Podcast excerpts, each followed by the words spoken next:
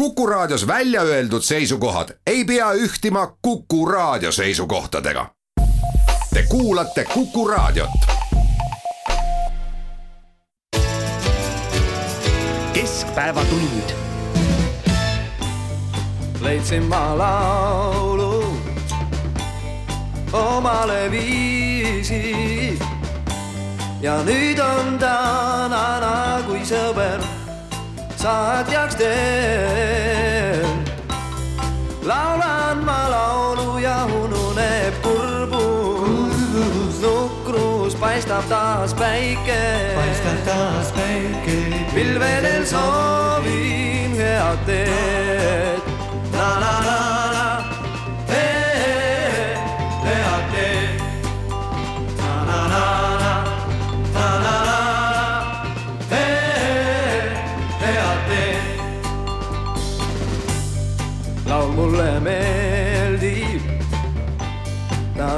nii võlunud mind. Pole tal sõnu, kui tantsida ta järgi hea. laulan ma laulu ja ununeb kurbus, nukrus paistab taas päike. paistab taas päike.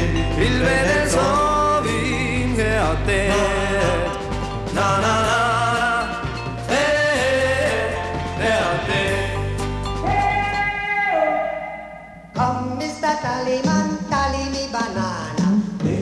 Uudiseid koduvabariigist. tere, siin on Keskpäevatund ja Kuku raadio Tallinna stuudios Ainar Ruussaar, Ignar Fjuk ja Priit Hõbemägi. Jaak Joala laulis na na na na head teed ja loomulikult on see sõnum suunatud eh, ja saadetud meie poolt siis eh, terviseameti juhile Üllar Lannole, kes eh, selle nädala alguses leidis lõpuks endas mehisust öelda, jah, ma ei ole selle asjaga hakkama saanud.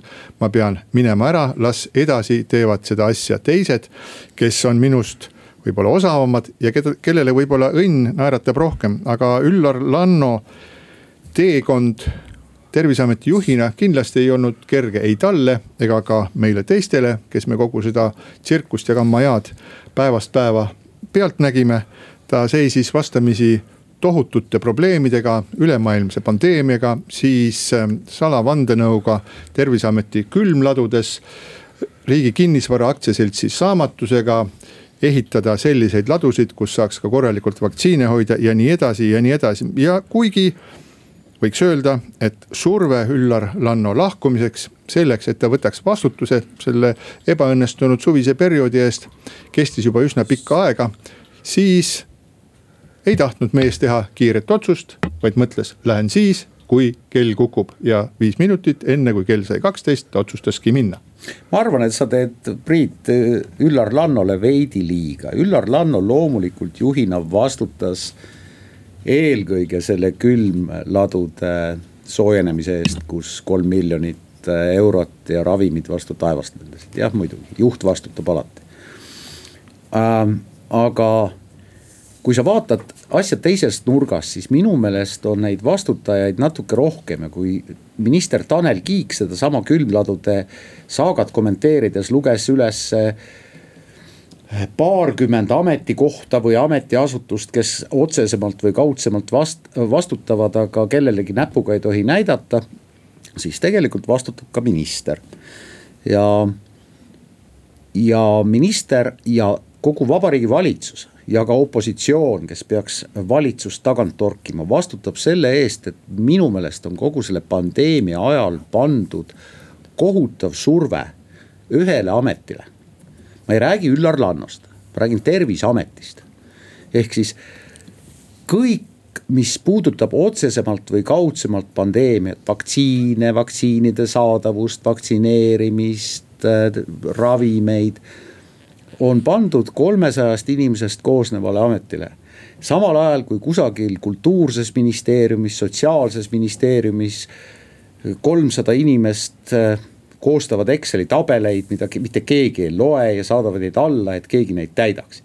ja pandeemiaga ei ole siin midagi pistmist. mina mäletan terviseameti keerukast saagast mäletan seda, et alguses tegeles terviseamet meil kõigega, siis selleks, et kõrvale lükata neid lõputuid et ja korduvaid süüdistusi, et terviseamet ei saa kõigega eh, pandeemia vastu võitlemisel hakkama. siis teatati, et eh, nüüdsest tegeleb terviseamet ainult vaktsiinide hoidmisega ja sellega, et saata need igale poole laiali ja seejärel ei saanud terviseamet ka sellega hakkama. ja ainult, et terviseamet ei tegele sellega, mida sa mainisid, Priit Hõbemägi, kaks pool aastat tagasi, kolm aastat tagasi, mitu korda aasta jooksul me siin keskpäevatunnis kasutasime sõna terviseamet no see oli lugematu arv mit, kordi. ma arvan, et mitte kordagi. mitu korda viimase pooleteist aasta jooksul oleme me Keskpäevatunnis rääkinud terviseametist, iga saade absoluutselt õige ja tulebki rääkida. ma tahan öelda rääkida. seda, et ühele ametile ei saa panna kogu vastutust ja üldse mitte pidades silmas Üllar Lanno. suur vaik ja Ignar Fjuk tahab midagi mõistlikku öelda meie jutu vahel siin.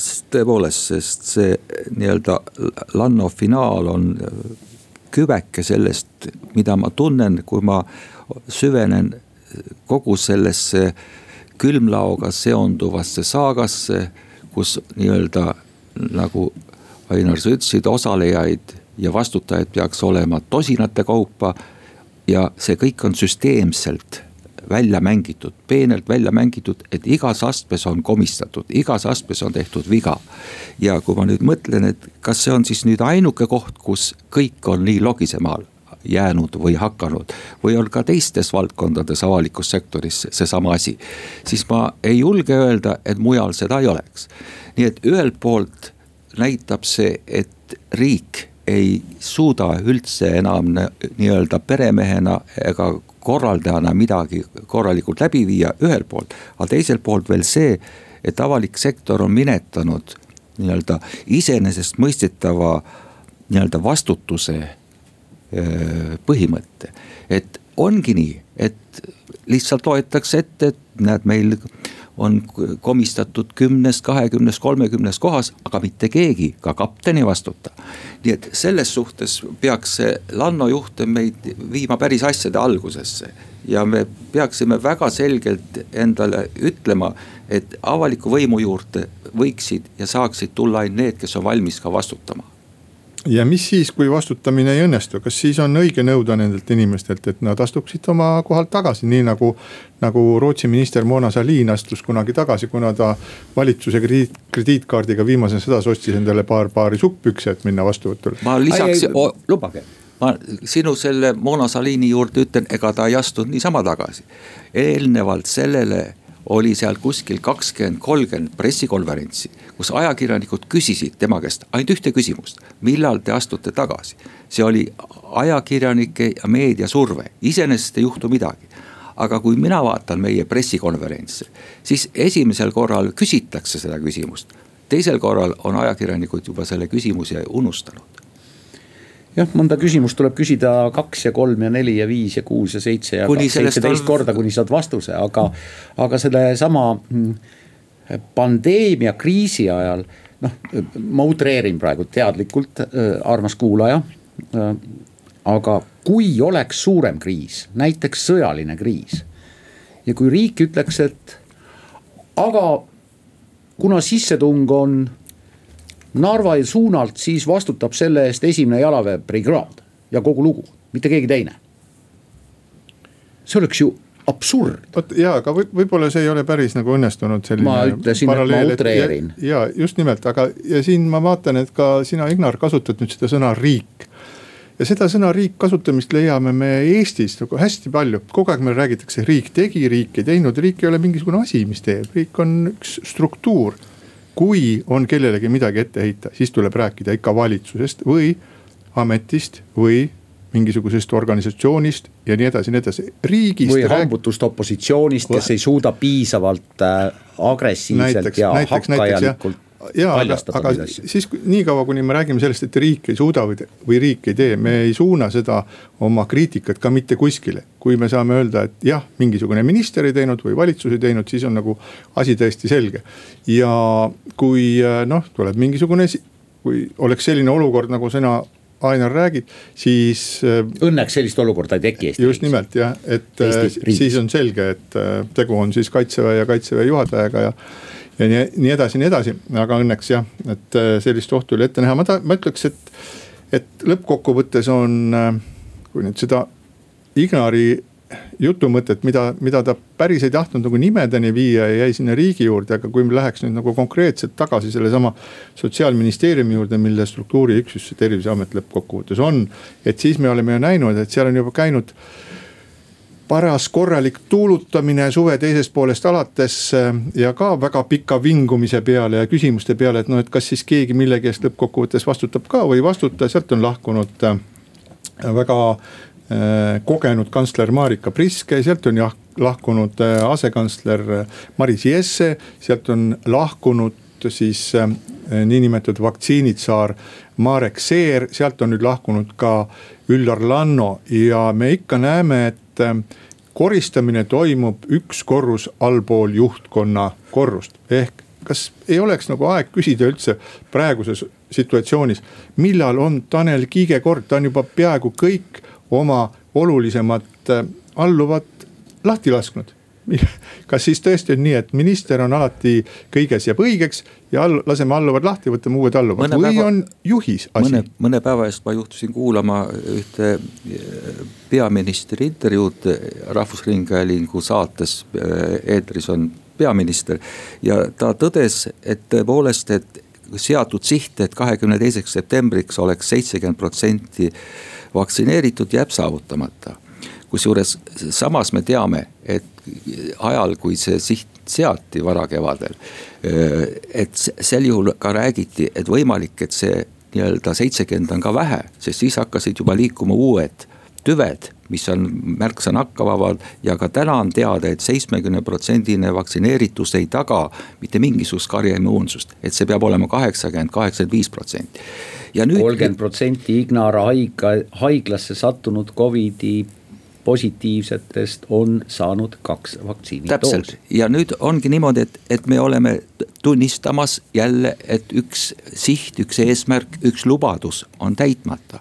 Ja tõesti, nüüd ongi, tuleb küsida seda Priidu küsimust, et millal hakkab juht, antud juhul siis minister vastutama tegemata. ma võin anda vastuse, ei hakkagi, sellepärast et äh, asi on lihtsalt poliitikas. meil on Reformierakonna ja Keskerakonna koalitsioon ja kui me vaatame sedasama Keskerakonda, siis me näeme välja, siis me näeme, et ta näeb välja nagu kuivanud kuusk.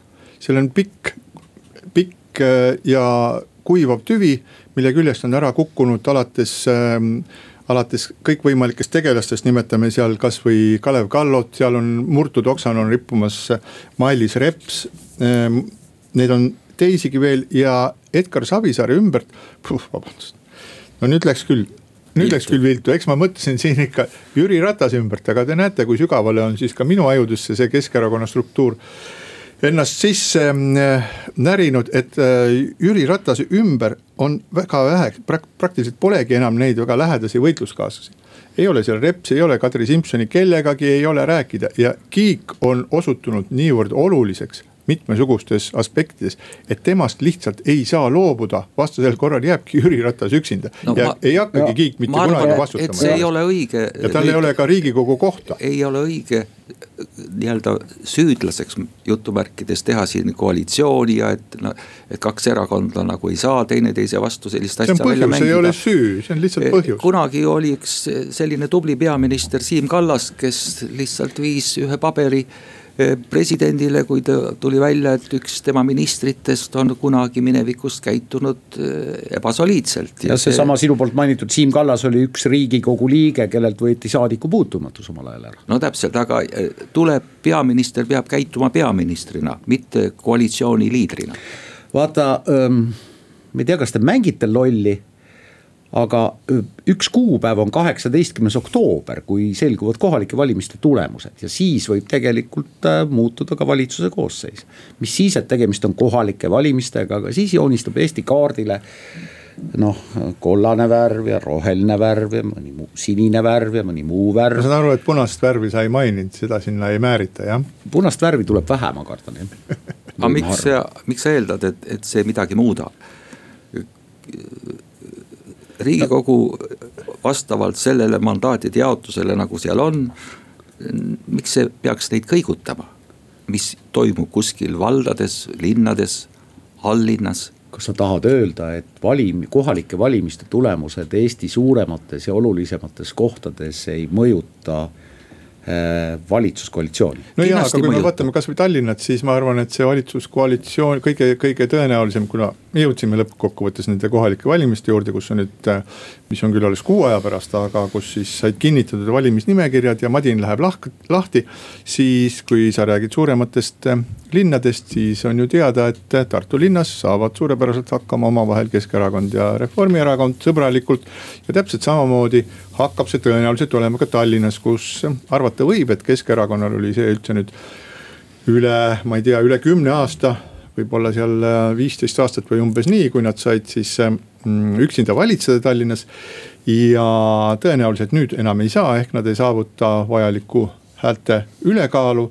Tõenäoliselt saavutab Reformierakond piisavalt suure äh, häälte saagi, et ka nii-öelda alllinnas ehk siis Tallinnas võiksid Reformierakond ja Keskerakond rõõmsalt koos valitseda, täpselt nii nagu nad teevad ka seal Toompeal. Ja mitte midagi variante, erilist ei, muud muudatust ei tulegi. see on, see on üks variante ja siis tõepoolest ei tule erilist muudatust, aga on ka siiski teisi variante, mida noh, on praegu raske ette ennustada, et. Äh, no ja näiteks on äh, Urmas Reinsalu teinud ettepaneku luua ühinenud opositsioon siis äh, Isamaa juhtimisel, et anda nii-öelda molli kõigile, kes tahavad jätkata vana, vana kooli valitsemist, mis on Tallinnas juba nii kaua aastaid olnud. kas see sünnib, see sõltub muidugi väga paljudest asjadest. vahel on mälu selline üsna kiuslik või kuidagi tuletab meelde ebameeldivaid asju ja peale seda, kui ma esimest korda nägin Urmas Reinsalu klippi, et moodustame nii-öelda ühinenud opositsioon Keskerakonna vastu. Et ta aitab sellest korruptsioonist ja venemeelsest linna juhtimisest, siis mulle tundus see kuidagi väga tuttavlik. mitte sellepärast, et kakskümmend aastat tagasi täpselt samal motiividel moodustati seitsme päkapikku valitsus jälle Keskerakonna vastu kuhu oli ka kaasatud Interinde liider eh, Jevgeni Kogan, kes, kes oli tõeline Eesti iseseisvuse vastane, tegutses selle nimel. vaenlastest vaenlane ja, aga samamoodi ka aasta kaks tuhat seitseteist oli Urmas Reinsalu Isamaaliidu pealinnapea kandidaat ja täpselt seesama slogan moodustame ühinenud opositsiooni Keskerakonna vastu. kas tõesti Tallinna linn ei vääri midagi paremat? ei, ma ei leia selles nüüd küll mitte midagi selles nagu imelikku, et poliitikud teevad oma asja ja miks nad ei või tekitada.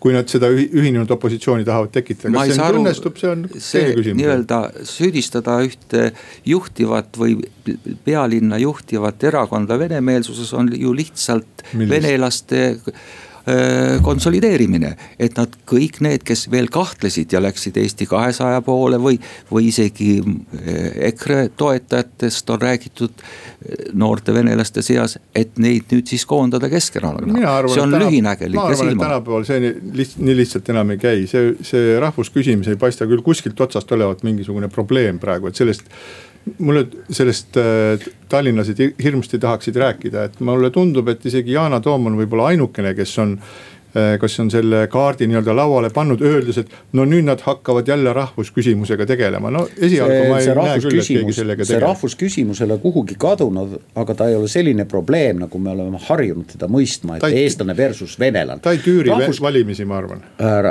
ja, aga rahvusküsimus on, on endiselt laual ja endiselt oluline, sellepärast et ikkagi kakskümmend protsenti Eestis elavatest inimestest on hoopis teised infoväljas, ei vaktsineeri ennast sellepärast, et nad ei usalda Euroopa Liidu vaktsiini, sellepärast et, et programm Premia räägib, et Euroopa Liidu vaktsiini ei tohi usaldada ja nii edasi ja nii edasi, et see on tänapäevane rahvusküsimus ja..., mitte see, et eestlane ja venelane saavad tänavanurgal kokku ja annavad üksteisele Ab lõuga. absoluutselt ja ärme unustame ka seda, et, et nendest väga palju on ju Vene kodanikud ja väga paljud on halli passi omanikud ja kui küsida neid. ja nad ei taha siit kuhugi minna. täpselt. ei peagi minema. aga nad hoiavad oma identiteeti ja nad teavad, et, et iga samm selle loovutamisel on samm nende identiteedi kahanemisel. nii et selles mõttes on rahvusküsimus läbi kas hariduse või on ikkagi valimiste teema, kui seda poliitikud oskavad nii-öelda intrigeerivalt välja tuua et see ei ole kadunud, niikaua kuni püsivad rahvusriigid, püsivad ka rahvusprobleemid. ja kui sa, Priit, väidad, et rahvusküsimust ei ole, siis ma küsin, kus on eestikeelne haridus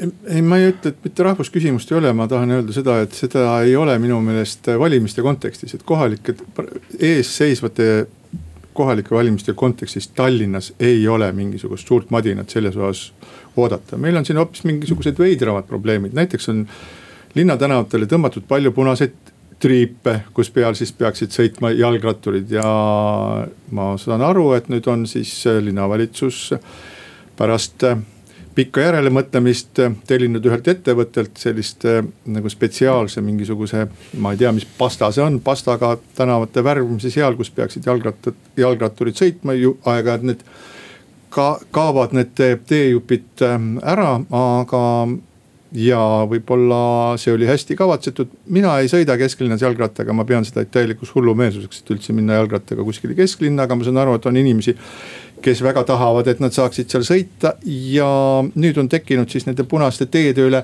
eriline suur kisa jälle, et tehti jalgratturitele sellised teed, aga need mitte, et. ja võib-olla kisa pole isegi mitte selle tõttu, et need on justkui nagu vales kohas, vaid et nad on äh, vale värvi ja et siis see värv justkui nagu tuleb maha. värv siis... absoluutselt Priit ei huvita, mina käin jalakäijana kesklinnas iga päev. mööda neid punaseid teid? ei, nende punaste teede kõrval kõnniteel Nii. ja nende punaste teede peal ei näe ma vabandust, näen ma üksikuid tõukse, üksikuid Bolte ja üksikuid Wolte jalgrattaga. enamus neist on kitsastel kõnniteedel ja kõnnitee on minu meelest. kõnnitee ei ole värvitud punaseks, mina kõnnin mööda kõnniteed ja vastu tuleb Bolt, tagant tuleb Wolt ja siis tuleb kaks äh, paari tõukse äh,.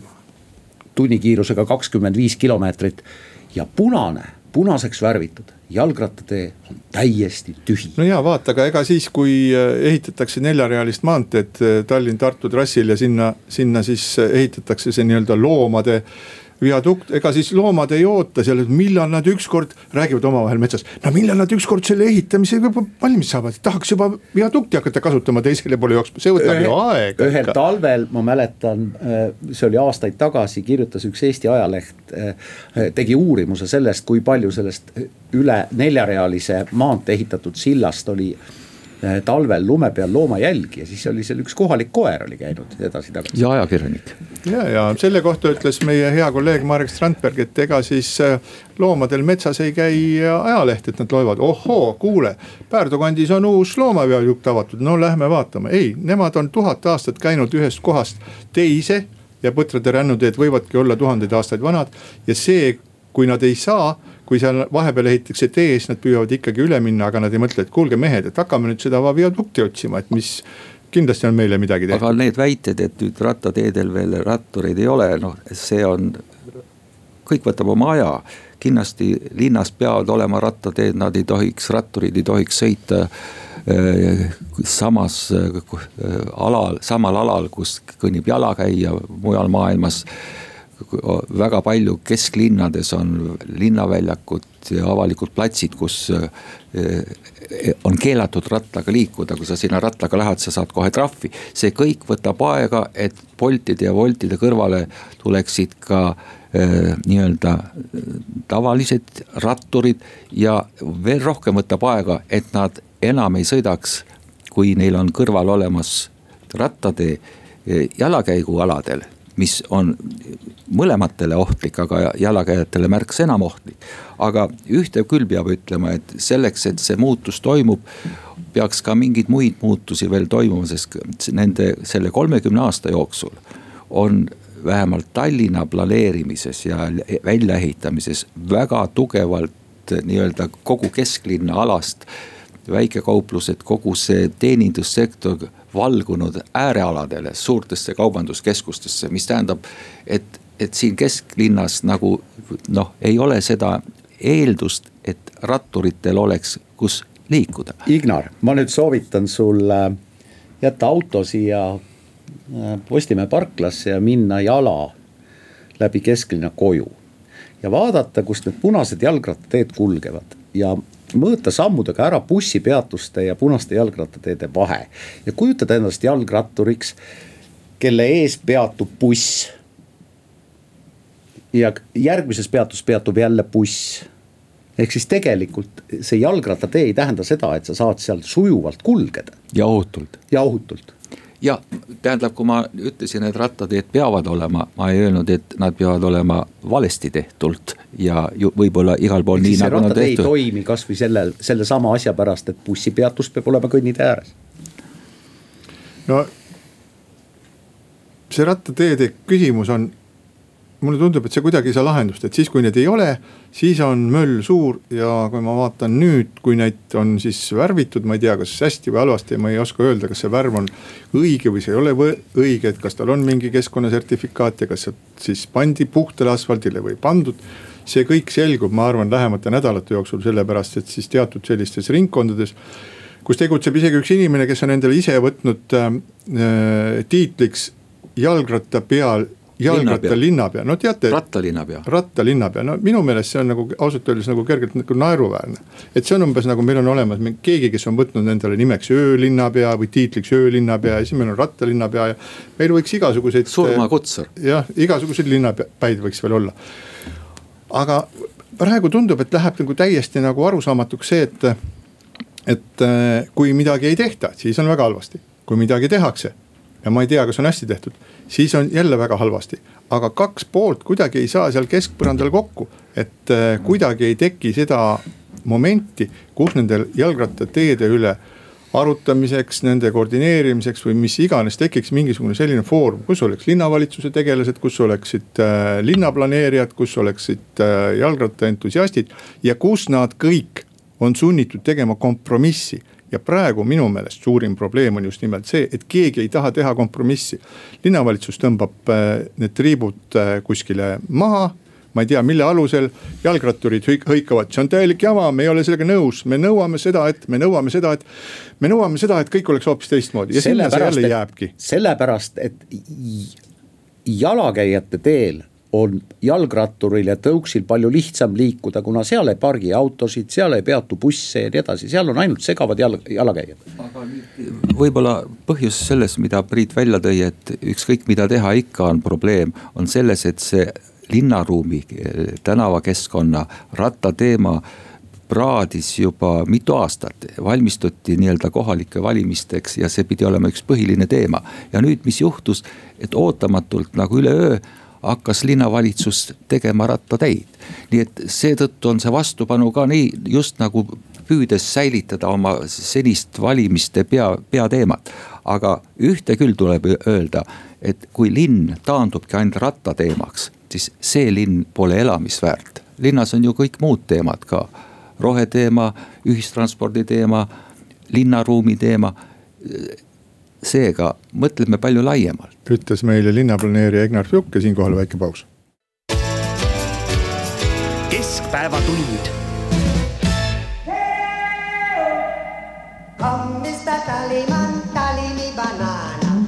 uudiseid koduvabariigist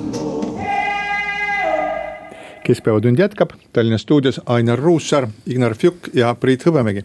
räägime natuke parvlaevast Estonia juba mitukümmend aastat on parvlaeva Estonia hukkumine sügisesel Läänemerel olnud üks teema, mis eestlasi erutab ja üks põhjus on kindlasti see, et äh, avalikkusele tundub, et õigeid ja selgeid vastuseid selle sündmuse põhjuste kohta ei ole me siiamaani saanud. mõned küll väidavad, et suurte mereõnnetustega alati ongi nii, et seda peetakse, neid asju peetakse salapärasteks ja selgitamatuteks.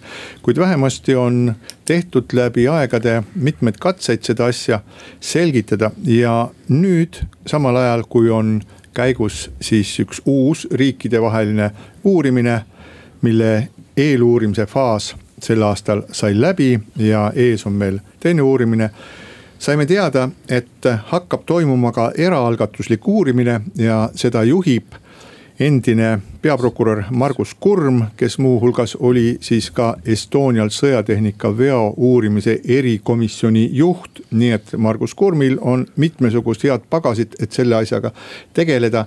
ta on äh, tegelenud äh, erikomisjonis Estonia küsimusega ja kahtlemata on ta väga hästi kursis ka kõikide võimalike õiguslike nüanssidega, sest eks me oleme ju palju kuulnud ja lugenud ka seda et kas ikka tohib või ei tohi sukelduda ja et sinna vahepeal siis ähm, Estonia vrakile on vahepeal sukeldatud, sukeldutud, sinna on tekkinud mingisuguseid auke ja seal on toimunud mingisuguseid pauke, nii et äh, kahtlemata. üks uurimine ei tohiks minu meelest halba teha, aga kuidas äh, erauurimine nii suure asjaga hakkama saab, see mulle, ma tahaksin hea meelega sellest rohkem ja täpsemalt teada saada. iga uurimine on pigem positiivne kui negatiivne, loomulikult Äh, ma ei ole küll kindel, et see eraalgatuslik uurimine Margus Kurmi loetletud kahekümne seitsmele olulisele küsimusele vastuse toob. sest minu meelest on kõige olulisem küsimus, millele ei ole vastust saadud äh, Stockholmist ja ka Tallinnast. on see, et miks on ühe laeva õnnetusega seotud dokumendid sellisel määral salastatud alates pääsenute tunnistustest, lõpetades tuukrivideodega. Äh, loomulikult äh, on nendes videodes ja tunnistud, tunnistustes selliseid fakte, mis äh, noh, puudutavad mõnda isikut ja, ja mis võivad olla häirivad ja mis ei pruugi olla avalikud.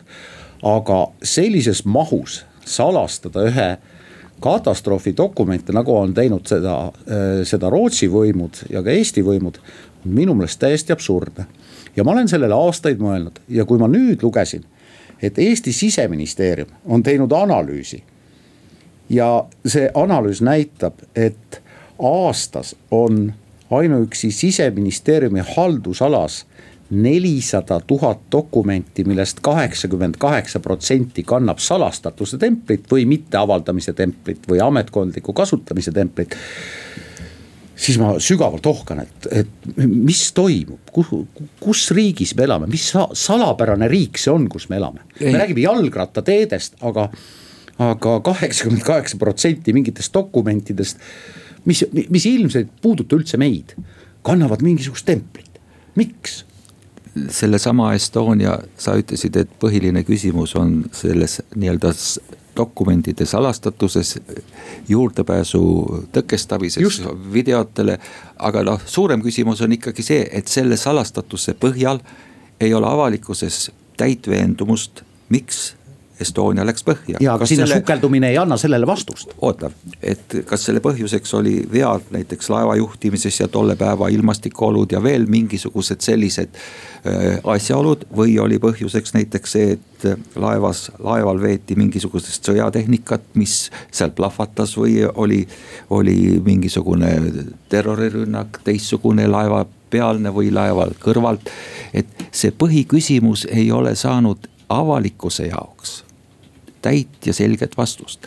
ja kui siia nüüd lisada juurde ka, et kas ma mäletan õigesti, et, et et peale seda õnnetust siis otsustati, vähemalt üks riik otsustas, et selle laeva vrakki peaks betooniga. see oli Rootsi riik. ta, et kogu selles kontekstis ma ei ole aru saanud, et, et otsustajad on üldse mõelnud, et on olemas avalikkus, on olemas ohvrid, nende järeltulijad, nende omaksed. et, et need, nemad ei ole saanud vastust ja kuni see vastus on saamata, seni ei tohiks seda protsessi lõpetada.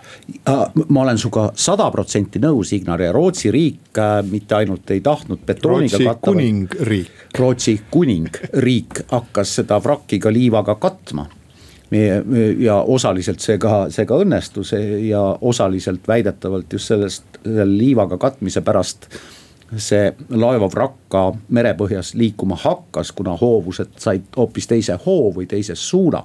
mina ei ole ekspert, aga see kõik, mida sa Ignar räägid, on õige.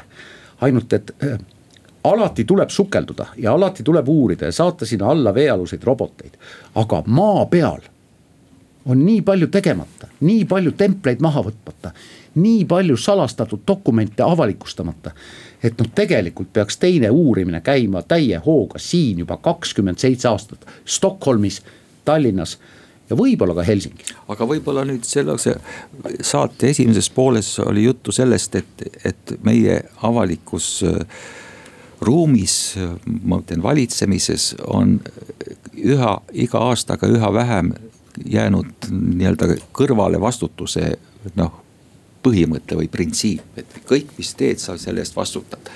nii et ilmselt on selle nii-öelda vastutamatuse üheks üheks eelduseks salastamine et sa kõik dokumendid, kõik otsused, kogu protsessi, menetluse, sa salastad. see on kõige siis, lihtsam ju. kõige lihtsam ja, ja siin on veel üks teine juhtum või üks teine äh, asjaolu, millele tahaks tähelepanu juhtida. ma olen tähele pannud, et ka kohtupidamises üha sagedamini kuulutatakse kohtuistungid kinnisteks ajakirjanikel keelatakse sellest rääkida, ajakirjanikel keelatakse salvestada nüüd mis on uus, riigis me elame? nüüd on uus idee, et kui tegemist ei ole kriminaalkuriteoga, äh, vaid väärteoga, mis jõuab kohtusse, siis ei tohi kohtualuse nime avalikustada see on üks jah, Ignor, see on tõepoolest on üks uus äh, seaduseelnõu ringi liikumas, mis teeks selle asja veel palju hullemaks, et me ei saakski üldse mitte midagi, sisuliselt mitte midagi teada. Äh, kohtud talitavad, dokumente ei näidata. roolijoodik näiteks. jah, dokumente ei näidata või kui näidatakse, siis on kõik tehtud mustaks, aga siinkohal väike paus keskpäevatund.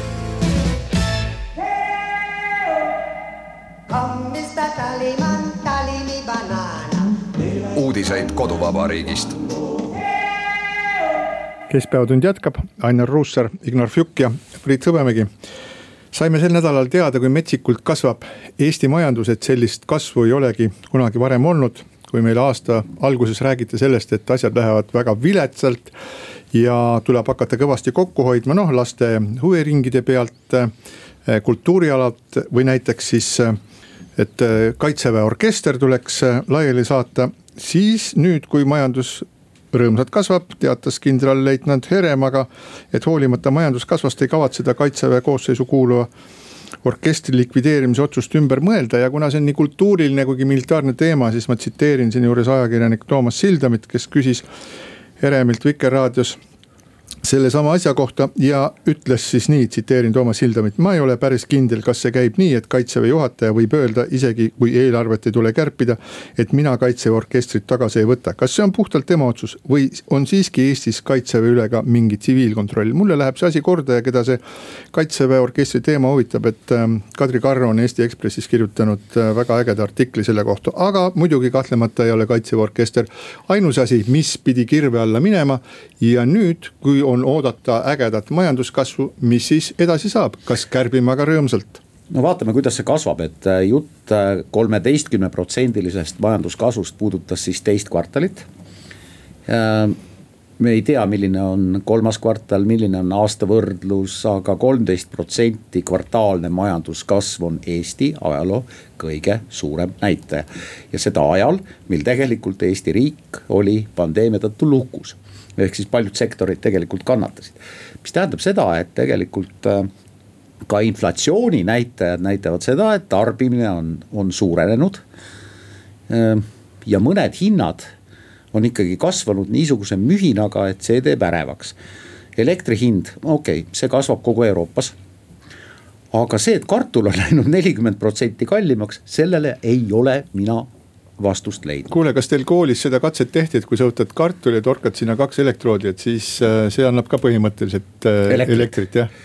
aga võib-olla on kartul kallimaks läinud sellepärast, et üha rohkem inimesi äh, toodavad kartulist elektrit. no ma arvan, et täitsa hea mõte oleks ise elektrit, elektrit toota, et kui me kuuleme kogu aeg seda, et Ida-Virumaal tuleb põlevkivist, meie ainsast energeetilisest julgeolekuvarust tuleb loobuda ja hakata tekitama elektrit tuulest ja millestki muust. aga loogika viga, Priit, on selles, et kui kartul on kallinenud nelikümmend protsenti, elekter kolmkümmend protsenti, siis ei ole kartulist elektri tootmine kasulik. okei okay,, see oligi nali, eks ole, natukene, aga iseenesest me olemegi sellises äh, huvitavas olukorras, kus äh, inflatsioon on kõrge, majanduskasv võrreldes eelmise aasta sama kvartaliga on kõrge ja need vastused, mis me saame siis ähm, valitsuse liikmetelt selle kohta, et kas need väga karmilt esile toodud kärpeplaanid, mis meile aasta alguses esitati, et need tuleb teha, midagi pole parata kokkuvõttes räägiti küll ainult kuuekümnest miljonist, mis tekitas väga paksu pahandust, et mis siis neist nüüd saab, et nii nagu ma aru saan, et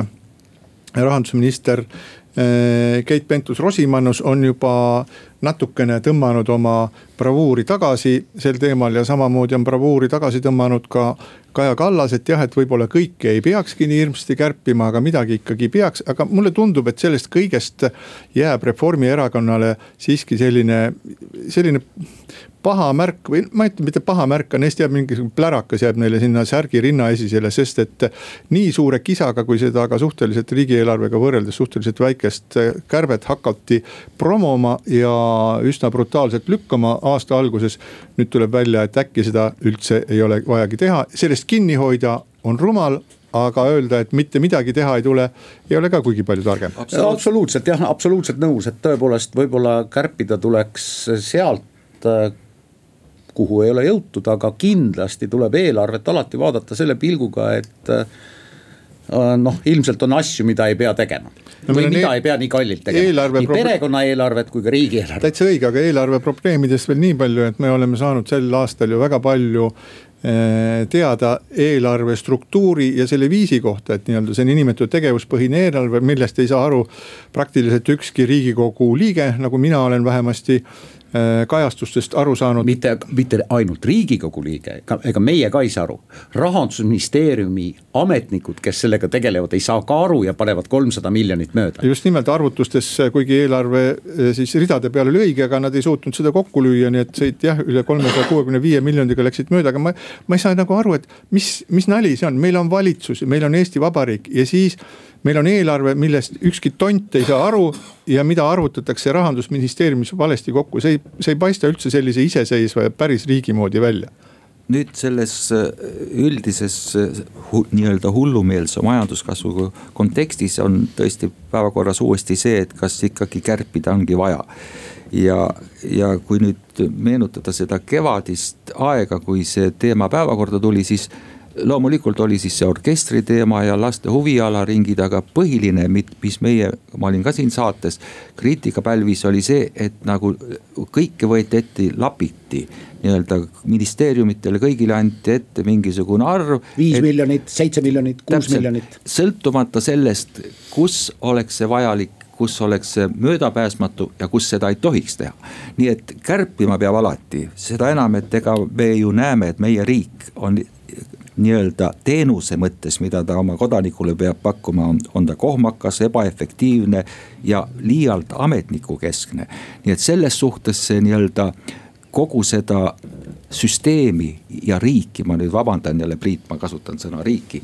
ühe korra palun ainult. peab äh, tugevasti äh, reformima ja ka see kärpimise element peab juures olema, aga seda peab tegema eesmärgipäraselt ja mõistlikult, mitte lihtsalt kärpimine kärpimise pärast see on saanud ja just nimelt, aga ma olen pannud sel nädalal tähele, et eelarve kärpimine on saanud endale uue sildi ja seda nimetaksegi riigireformiks.